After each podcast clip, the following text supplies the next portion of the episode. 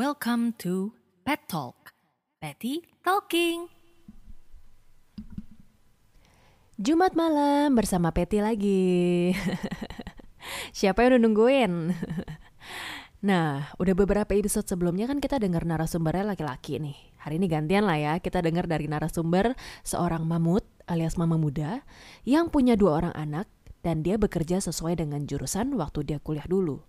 Tapi nih, beberapa tahun setelah dia kerja, dia itu menemukan talentanya di bidang make up yang kemudian dia kembangin. Lalu akhirnya sekarang dia punya penghasilan tambahan as a freelancer makeup artist. Tapi dia nggak harus keluar dari pekerjaan sebelumnya. Siapa ya? Yuk kita sapa ya temen gue ini ya. Hai Lani. Halo. Gimana kabar? Sehat-sehat, fit semua keluarga? Puji Tuhan sehat. Kalau sekarang nanya bukan kabar baik ya, Amin. tapi sehat. Yang diping yang Iya. diinginkan tuh sehat pokoknya. Iya, nih Lani ini tuh temen sekolah gue waktu zaman SMA ya. Mm-mm. di salah satu sekolah swasta di Jakarta. Nah, gue tuh mau mulai pertanyaan sama Lani tuh dari sejak kita terpisah dulu kali ya. Terpisah, Cailet, kayaknya. Terpisah jauh. Jadi kan waktu kuliah nih kita udah nggak kayaknya. barengan. heeh. Jadi waktu SMA kita barengan, tapi kuliah kan udah nggak barengan nih. Nih, gue pengen mulai pertanyaan dari sejak kuliah dulu nih ya. Lu kan kuliah ambil jurusan psikologi kan ya. Nah itu tuh sejak SMA udah kepikiran mau ambil jurusan psikologi, udah tahu gitu kebayang nanti kerjanya bakal jadi apa, atau atau gimana? Maksudnya kenapa lu ambil psikologi? Eh, sejak SMA kelas 2 sebenarnya udah kepikir mau ngambil jurusan psikologi. Dan saat itu eh, mulai cari tahu deh. Nah, ada kakak sepupu kebetulan yang udah hampir lulus kuliah psikologi. Selanjutnya nanya, kira-kira apa yang dipelajarin, kemudian peluang kerjanya gimana, terus Ya. kampus apa sih yang bagus untuk jurusan psikologi. Ya Mm-mm. udah saat eh, apa namanya lulus eh, SMA mulai nyari-nyari dan eh, apply ke kampus-kampus tersebut. Mm-mm. Puji Tuhan diterima di kampus yang diinginkan. Ya melalui Oh. proses yang nggak mudah sih sebenarnya ya Iya. ya memasrahkan aja lah pada Tuhan karena memang kuotanya terbatas kan kalau yang ikut eh, zaman dulu namanya SNMPTN. Mm-mm, mm-mm. Jadi kuotanya terbatas, Mm-mm. yang kata orang masuknya susah, cuman ya udah pasrah aja karena ya kebetulan juga punya em, eh, apa eh, fakultas psikologi yang lain, universitas lain, Mm-mm. jadi yang swasta lah gitu. Mm-mm. Jadi udah punya pegangan gitu kan. Mm-mm. Nah, puji Tuhan keterima Nah udah punya bayangan belum bakal kerja apa? kalau ditanya udah kebayang atau belum, ya sebenarnya gambarannya ya udah kebayang sih. Intinya di mana pun ada manusia, di situ dibutuhkan ilmu psikologi, gampangnya gitu. Oh ya, oke. Jadi seorang ibu pun kalau udah tahu ilmu psikologi itu akan sangat membantu dalam hal parenting.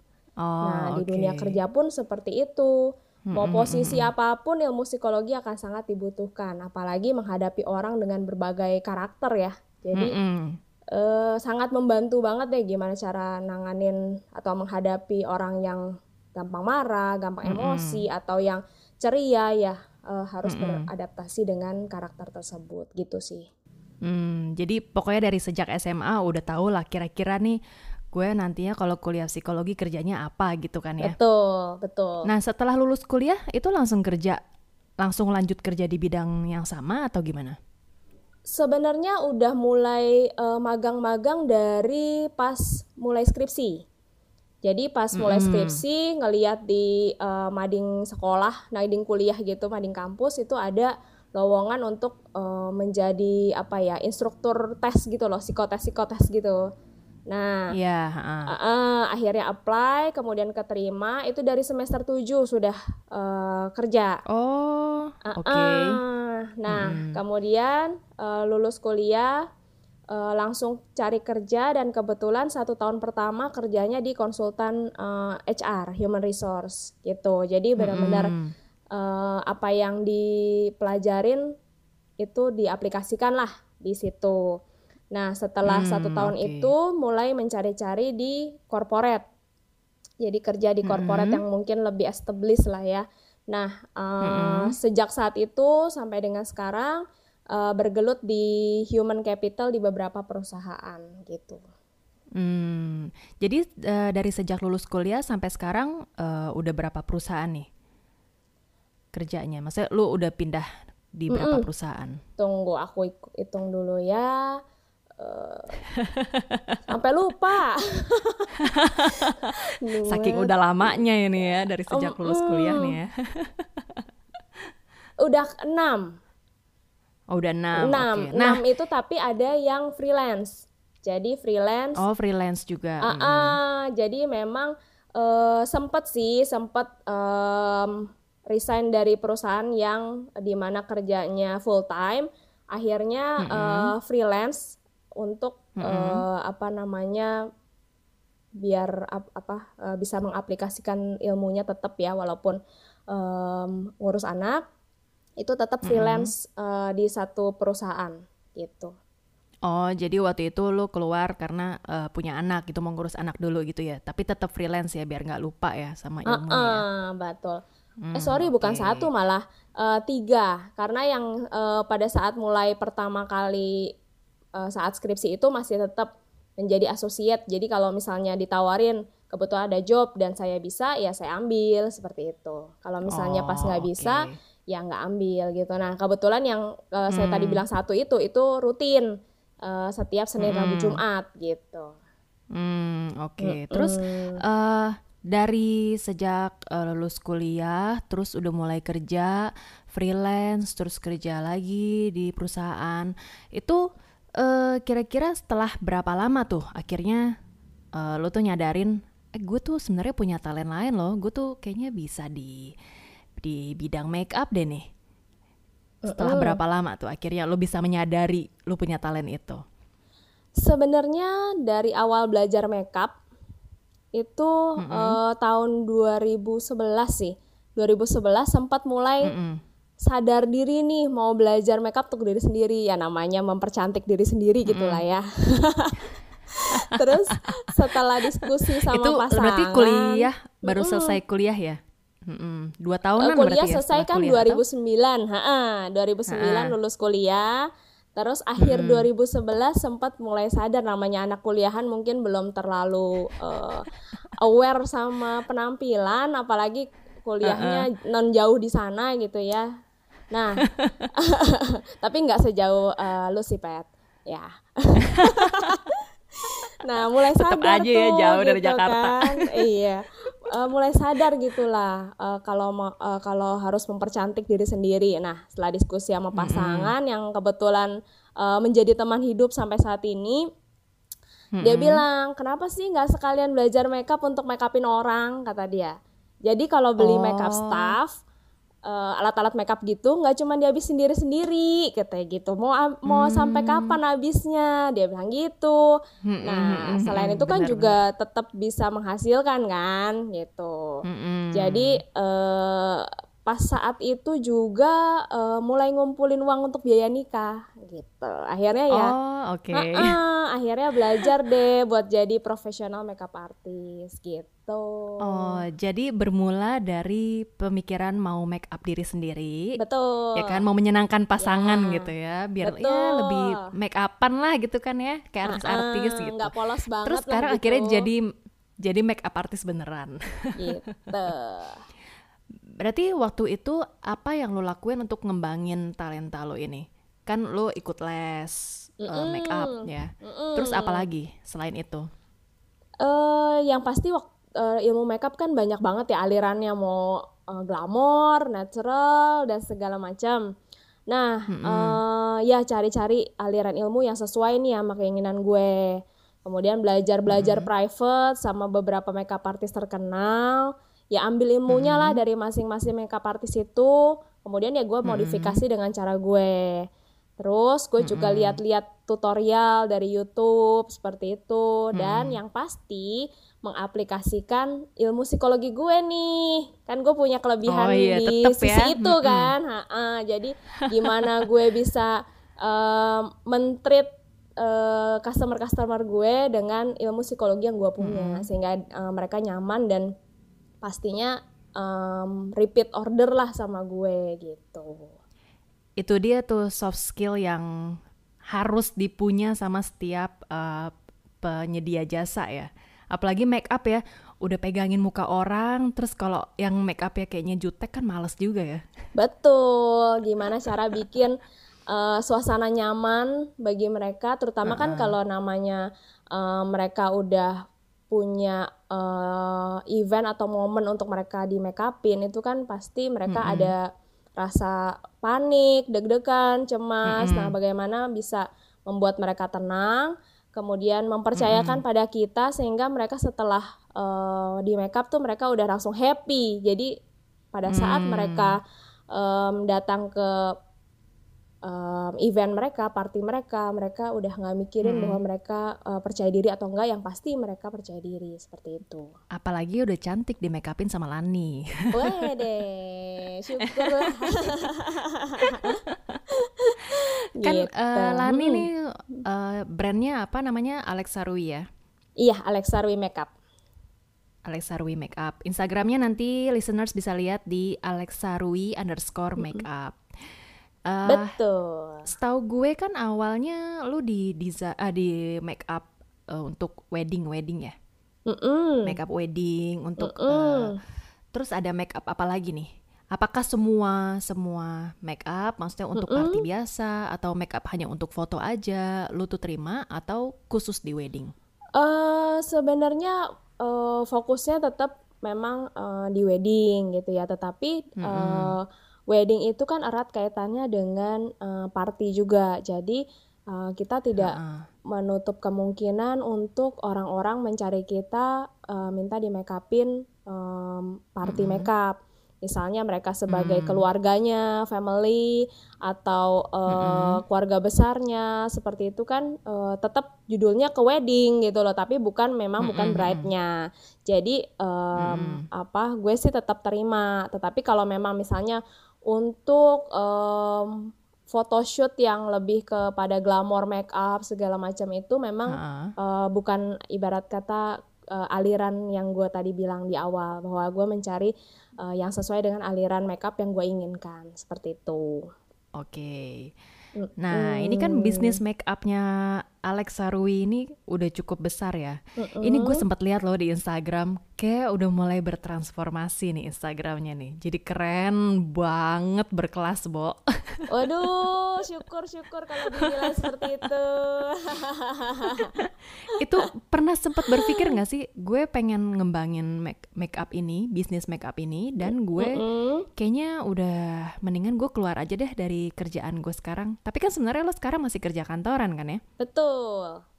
Sebenarnya sedang mengarah ke rencana itu sih. Oh gitu. Namun hmm. kan ya namanya iya, tapi butuh persiapan. Hmm. Karena juga kan uh, saat ini ya tadi uh, Peti udah cerita juga hmm. uh, mungkin Instagramnya jadi berbeda segala oh. macam karena memang saat ini sedang rebranding lah hmm, gitu loh, okay. sedang rebranding dan akan launching new service di awal tahun. Oh. Gitu. Okay. Jadi kan namanya dalam bidang bisnis apa pun ya, kita mm -hmm. kan harus punya nilai tambah kan yang mungkin tidak dimiliki oleh kompetitor kita, Bener. gitu kan. Kita harus cari apa sih sesuatu hal yang baru yang bisa kita uh, berikan mm -hmm. kepada customer kita, mm -hmm. gitu. Nah, makanya um, saat ini sedang mengarah ke sana mm -hmm. dan uh, untuk ada servis ini pun nggak mudah prosesnya hmm. gitu loh uh, survei ke orang-orang yang memang jadi segmen kita hmm. uh, apa sih yang mereka inginkan mereka butuhkan hmm. uh, bukan hanya sekedar servis makeupnya saja dan segala macam itu sih nah um, kalau boleh cerita mengenai hmm. edit value-nya itu ya dari kita mau memberikan makeup yang sangat natural. Oh. Jadi kosmetik yang diaplikasikan itu sangat sedikit dengan hasil yang maksimal oh, gitu. Jadinya kan biasanya namanya makeup wedding kan berubah ya mukanya. Uh, identik dengan berlapis-lapis yeah, kan. Iya iya banget. Makeupnya sampai berat, Bo. berlapis-lapis uh, sampai berubah pangling lah kalau orang ngomong seperti iya. itu kan. Bahkan banyak nah. yang suka bilang gile lu cakep banget kayak bukan lu gitu. Nah, gitu. Nah, kita nggak mau kayak gitu justru sekarang. Ternyata mm -hmm. uh, dari segmen customer kita mereka sudah cantik gitu loh, sudah merasa cantik. Mm. Gue nggak mau jadi uh, bukan diri gue gitu loh. Ya, jadi bener. di sini kita pengen punya value bahwa kecantikan alami adalah kecantikan terbaik yang sudah Tuhan berikan Jadi Hmm, oke. tugas gue sebagai makeup artist itu sebagai fasilitator nih yang mau mengeluarkan kecantikan itu tanpa merubah wajahnya dia Hmm, gitu. Oke, berarti natural banget ya. Kalau yang biasanya pakai eyelash yang tebal banget, terus pakai yang eh, alisnya sampai apa ya, kayak sinchan gitu kan ya. Pokoknya sampai benar-benar nggak ngenalin ini orang siapa Betul, gitu kan yang betul. berubah mukanya. Ya di Alexa Rui yang pasti nggak akan seperti itu ya kan. Ah, gitu. Kita sudah menentukan em, value-nya kita mau memberikan kepada customer se- seperti itu gitu loh. Bagaimana kecantikan mereka keluar dari dalam hati yang terpancar di wajah mereka. Karena mereka pribadi udah cantik gitu loh. Cakep. Ya kan? Jadi nggak perlu ditebel-tebelin, dipangling-panglingin karena tetap kalau mereka happy pada saat hari H mau makeupnya setipis apa pun, makeup no makeup pun mereka akan tetap terlihat cantik gitu. Iya, yang penting kan cantik dari dalam diri ya. Inner beauty Betul, dulu. itu paling penting betul. Untuk make itu up di muka itu hanya um, bantuan aja. Jadi terlihat iya. lebih ceria, lebih cantik gitu kan ya. Betul. Tetap harus dari dalam diri dulu. Nah, kalau gue balik lagi nih, lihat di Instagram Alexa Rui, itu kan udah transformasi seperti yang tadi gue bilang jadi keren banget ya. Mm, mm, mm. Itu boleh nggak ceritain kalau sebagai um, makeup artist nih, bikin Instagram cakep-cakep kayak gitu, itu tuh gimana sih maksudnya uh, lu hire uh, sosial media designer, terus kontennya juga ada yang ngurusin atau lu masih ngurusin sendiri semuanya? Oke, karena kita mau arahnya lebih serius gitu ya, arahnya udah lebih ke bisnis. Karena pribadi kalau kita ngomong makeup artist itu mungkin Patty bisa lihat dah Instagram makeup artist seperti apa. Isinya foto muka orang, portfolio, isinya muka muka muka muka muka semua. Iya. Kadang-kadang mukanya mirip-mirip malah ya. Iya bener banget udah kayak template ya. Kadang gue tuh suka uh, follow makeup artist cuman nggak tahu ini makeup artisnya sendiri siapa nih. Orangnya nggak Betul. tahu, taunya cuman muka-muka orang lain doang. Betul. Nah, dari situ makanya akhirnya em, kebetulan suami gue nih yang bener-bener mikirin konsepnya Mm-mm. gitu. Jadi dia yang memang lagi banyak belajar dan dia yang justru eh, bilang bahwa makeup artist ini bisa dijadikan bisnis, bukan personal branding gitu. Jadi eh, akhirnya Oh, kita oke. berdua sepakat membicarakan eh, bisnis ini dan em, kita mau portfolio makeup kita bukan hanya sekedar muka orang, tetapi lebih ke story-nya. Jadi kita mau tekankan ke story-nya, Hmm, itu dia gitu tuh. loh, bahwa eh, dengan melihat Instagram kita, orang tahu kira-kira vibe-nya pada saat mereka di make upin tuh seperti apa, gitu. Mm-mm, Kita mau mm-mm. em, Iya, benar-benar. membuat cerita tentang mereka yang di make upin sama kita. Gitu. Oh, oke oke. Ya emang sih kalau Da- kadang eh, oleh karena itu, mm-mm, eh, kadang kalau ngeliatin makeup artist ya good mereka punya banyak portfolio gitu ya, banyak make upin dari dari muka A sampai Z gitu. Tapi ya ngebosenin juga sih lama-lama unfollow juga akhirnya. betul isinya muka orang doang gitu Iya, kan. Nah, apalagi buat mereka yang mungkin em, apa ya kurang paham mengenai makeup gitu loh. Mm-mm, mm-mm. Jadi kita pengen menggarap semua orang nyaman dengan melihat eh, Instagram kita gitu. Hmm, Nah, oke, oke. dari situ eh, kita berdua saya sama suami udah pasti nggak bakal eh, kepegang gitu loh untuk em, Hmm, soalnya kalian berdua juga kan ngantoran ya. kerja. Betul, udah kerja kantoran seperti tadi kita pembicaraan di awal ya, kerja kantoran, kemudian eh, saya juga punya dua anak dan akhirnya kita sepakat berdua untuk eh, membangun em, branding ini kembali dengan eh, kerjasama dengan partner lain. Kebetulan Hmm. eh, fotografernya itu saudara sepupu saya sendiri. Oh, gitu. Dan saya oke. baru tahu kalau sepupu saya itu fotografer, Peti. Setelah sekian lama gitu ya baru. Betul, karena ya kebetulan nyokap keluarga besar banget ya, 12 bersaudara. Nah, oh, buset banyak banget. jarang yang eh, eh, jarang ketemu yang benar-benar keluarga besar kalau bukan di acara yang besar. Hmm, gitu. Dan kalau ketemu pun saking ketemu- banyaknya jadi nggak bisa ngobrol ya. Iya, cuman ngobrol-ngobrol nggak penting mungkin ya gitu kan, HIG doang gitu. Nah, giliran kebetulan ini uh, ke apa namanya ketemu sama adik sepupu ini di acara kedukaan, kedukaan Oh. nenek gue. Oh, oke. Nah, dia foto-foto tuh saat itu, foto-foto acara eh, ininya ya, acara kremasi dan segala macam. Nah, akhirnya tertarik. Loh, emang kamu fotografer? Kira kita ngobrol panjang lah di sana. Nah, pas Oh. lihat portfolionya eh, suami gue langsung bilang, nah ini nih yang aku cari nih seperti ini. gue pengen Instagram kita kayak gini gitu. Ya itu mungkin Ternyata- namanya dibukakan jalan sama Tuhan ya, gitu loh Iya, itu dia. kita udah berdoa pengen menjalankan bisnis ini Mm-mm, supaya diketemukan dengan orang-orang yang memang kita butuhkan mm-mm, gitu loh. mm-mm. Nah, kemudian eh, kita ngobrol dan em, saudara gue juga senang kayaknya cocok nih gitu kan Mm-mm. dengan apa yang em, gue pengen tampilkan karena dia bilang bener makeup artist selama ini ya begitu-begitu aja portfolionya gitu kan. Mm-mm, Kita pengen bikin sesuatu yang beda dan kebetulan juga eh, teman baiknya itu biasa ngembangin sosial media gitu loh termasuk Oh, Instagram gile. ini Jadi benar-benar udah Tuh, eh, akhirnya dari keluarga, terus dari keluarga ke temennya. Jadi benar-benar kenalan gitu ya. Kenalan ke kenalan ke kenalan. betul dan lucunya juga si temen gue temennya saudara gue ini yang mengembangkan sosial media tadinya tuh dia udah bilang bahwa udah cukup dia nggak mau tambah freelance lagi karena dia udah sibuk banget lah gitu kan dan dia Ah. juga memang eh, kerja kantoran juga kerja kantoran Oh. di desain gitu loh orang desain Mm-mm, Oke. Nah, Eh, setelah diceritakan eh, konsepnya kita seperti apa dan kita tujuannya mau ke mana dan dia juga jadi excited dan malah Mm-mm. yang tadinya bilang nggak mau terima akhirnya dia bilang ya udah deh gue mau gitu loh. Akhirnya kita Wih. kumpul ketemu gitu ya ngobrolin. Pertama masa di zoom ya kan kita zamannya zoom meeting ya kemarin itu kan. Iya. kita ketemu di Zoom gitu.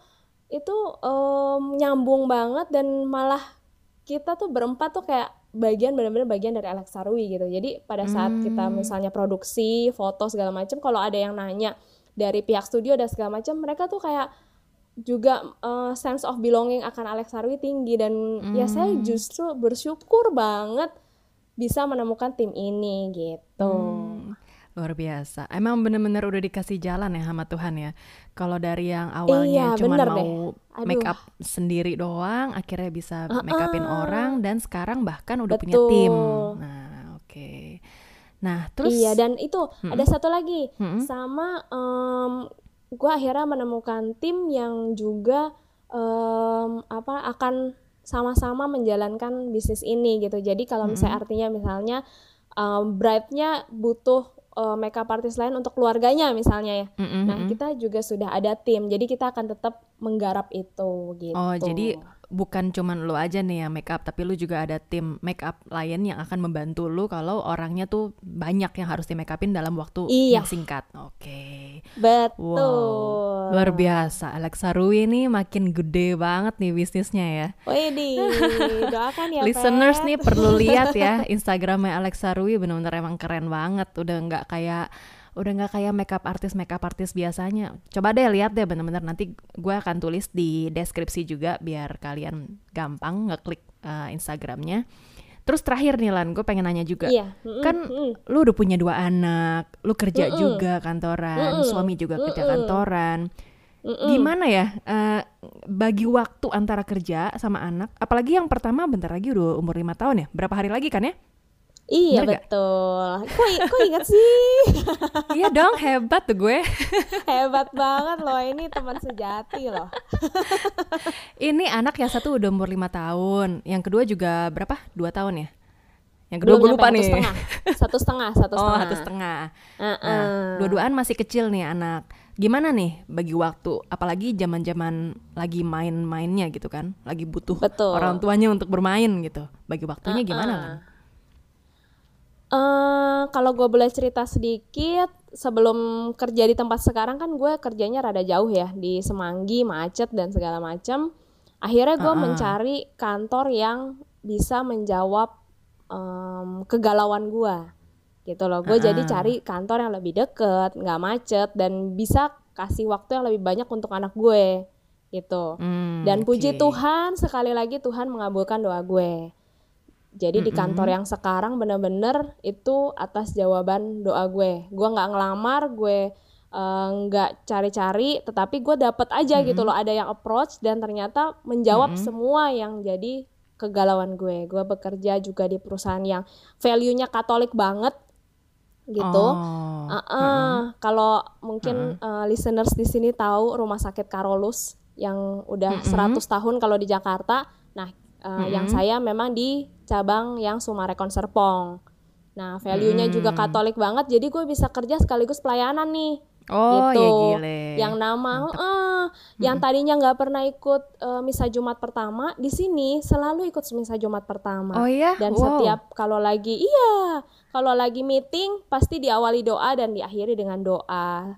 Kemudian gitu. juga setiap Senin pagi kita pasti ada doa bareng. Pokoknya jadi bukan hanya kerja gitu, tapi juga pelayanan, instrumennya instrumen lagu rohani. Betapa itu kerinduan gue sih sejujurnya Gile, gitu. asik banget ya. Nah. Di sini juga eh, jadinya bisa work life balance. Gue bisa pulang sampai rumah lebih cepet. Nah, sampai rumah zaman sekarang mesti langsung bersih-bersih dulu dong. Ya kan? Iya gile, harus mandi Kemudian, keramas ya pokoknya bener-bener Mm, nah, mandi dulu fresh dari semua. luar lagi kan, dari rumah sakit lagi gitu kan. Iya, Nah, serem terus kan. Sampai rumah makan, barulah pegang anak. Apalagi kan sekarang masa-masanya school from home ya itu tantangan banget, Betty. iya ya, ngeliatin teman-teman gue juga yang anak-anaknya udah pada sekolah ya ampun, kayaknya itu jadi Iya, eh, teriakan para betul. ibu. Aduh, kapan nih pandemi Uh-uh, berakhir? Gue nah, pengen ya anak gue kembali ke sekolah. Ah, iya, nah ya udah langsung lah. Em, setelah itu nemenin anak gue yang kerjaan tugasnya belum selesai. Karena nih anak gue nih yang gede nih agak-agak nih. Kalau misalnya eh, nyokap bilang kerjain dulu, ntar aja sama mama, ntar malam kan sama mama, gitu. Oh, tetap nungguin mamanya ya. Mm-mm. Iya. Sayang banget berarti Tapi sama lo jadinya Lan. akhirnya gue bagi tugas nih sama suami. Kalau tugas Iya. sekolahnya project bikin sesuatu, itu tugasnya suami. Oh, Nah, kalau tugasnya worksheet, Mm-mm. jadi kayak PR-PR yang pakai paper pencil, barulah gue termasuk Oh. presen tugas-tugas presentasi. Oh. Itu baru gue yang nemenin. Jadi tetap harus bagi tugas Nah, ya jadi sama kalau gue lagi ya. hand- betul bagi tugas. Kalau gue lagi handle satu anak, yang satu anak dipegang suami. Intinya Mm. pokoknya kalau gue dan suami pulang, itulah quality quality time dengan anak. Jadi pengasuh Mm. anak dan nyokap juga udah ngerti lah. Kalau gue sama suami udah pulang, Mm-mm. Kita yang handle. Hmm, gile. Itu yang bikin anak-anak tetap dekat sama kita dan nempel sama kita gitu. Oh, mantap Begitupun kalau lagi jo- ngejob weekend juga sih. Heeh, gimana gitu. tuh? Kalau ngejob weekend kan yang tadi kita make up kan ya, gue Iya. juga make up gitu. Heeh.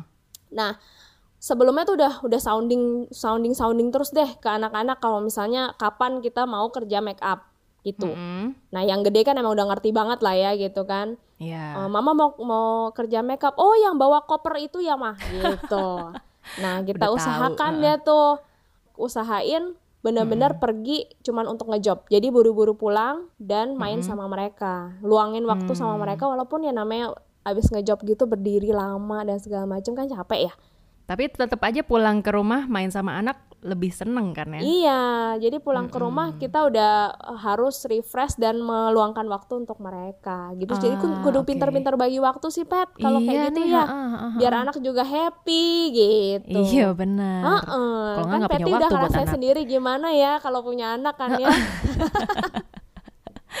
Harus bener-bener pinter Gitu. banget ya bagi waktu emang kalau jadi udah jadi ibu tuh eh, lima menit urusin yang A, lima menit urusin yang B. Pokoknya bener-bener semuanya harus segera the flash ya. Betul. Luar biasa nih Mama Lani nih emang hebat banget ya. Ini pasti obrolan kita tuh bakal bakal memberkati banget nih para listeners yang mungkin udah berpikir mau mulai-mulai bisnis lain selain kerja kantoran Betul. gitu kan. Apalagi buat yang suka make up nih, sempat berpikir mau jadi make up artis mungkin. Mudah-mudahan kalian semakin terbuka pandangannya ya dengerin obrolan kita berdua ya. Bisa mulai usaha terus udah bisa sukses juga nanti bakal seperti Lani. Amin, amin, amin, amin, amin. Eh, Lani, thank you buat waktunya udah ngobrol-ngobrol di Petok. Thank you buat sharing-sharingnya. Mm-mm. Salam ya buat suami sama anak-anak Iya, ya. Semoga membantu. Iya, amin. Amin, Iya, amin. iya. Nanti jadi berkat. semoga kapan-kapan kita bisa ketemu ya Pet Iya benar udah lama banget dari sejak gue lahiran sampai sekarang ya akhirnya belum bisa udah lama ketemu banget gara-gara pandemi. iya mau ngelihat Rafa ntar Rafa udah setahun belum lihat juga Pet Iya ya kayaknya, ampun Pet. kita doain aja lah mudah-mudahan corona bener-bener bebas. oh iya boleh nggak satu lagi kasih dunia. tips and trick Mm, boleh banget. Jadi eh, eh, eh, intinya sih yang tadi saya bilang ya eh, bisa dibilang pintar-pintar bagi waktu antara pekerjaan, kemudian kalau kita punya usaha dan juga eh, bagi waktu untuk keluarga. Nah, cuman kalau memang misalnya mau berpikir untuk bisnis sendiri itu lebih bagus karena kan kita waktu lebih fleksibel ya eh, untuk keluarga. Tetapi memang harus dipersiapkan dengan matang kalau memang kita mau fokus di bisnis. Karena kan kalau kita kerja kantoran itu em, penghasilan kita pasti setiap bulan tapi segitu aja gitu kan ya Eh, angkanya lebih statis lah gitu. Nah kalau bisnis semakin besar effort yang kita keluarkan bisa jadi penghasilan kita bertambah jadi bisa fluktuatif jadi, dan waktu juga lebih fleksibel. Jadi kalau memang mau usaha memang harus dipersiapkan dengan matang segala sesuatunya Iya, gitu. luar biasa. Ini poin yang sangat luar biasa yang perlu banget, yang penting banget didengerin oleh semua yang para eh, semua yang mau mulai bisnis ya. Tapi kalau belum eh, belum established banget bisnisnya, Amin, jangan betul. keluar kantor dulu. Coba dimulai dulu dari sekarang. Kalau sudah mulai terbangun Betul. bisnisnya, baru boleh deh berpikir Iya. untuk fokus di bisnis sendiri ya. Betul gitu. Iya, oke, sip. Thank you so much ya Lani ya, udah luangin waktu ya buat ngobrol-ngobrol di Petok. Oke. Jangan lupa stay healthy, Iya. stay safe. Thank you banget udah Iya, mengundang. sama-sama nanti kita bakal ngobrol-ngobrol lagi mungkin di topik yang lain, topik tentang psikologi mungkin ya. Oke, boleh boleh boleh. Oke, thank you Lani, Ya, God bless you. Bye bye. Thank you, thank you. Bye bye.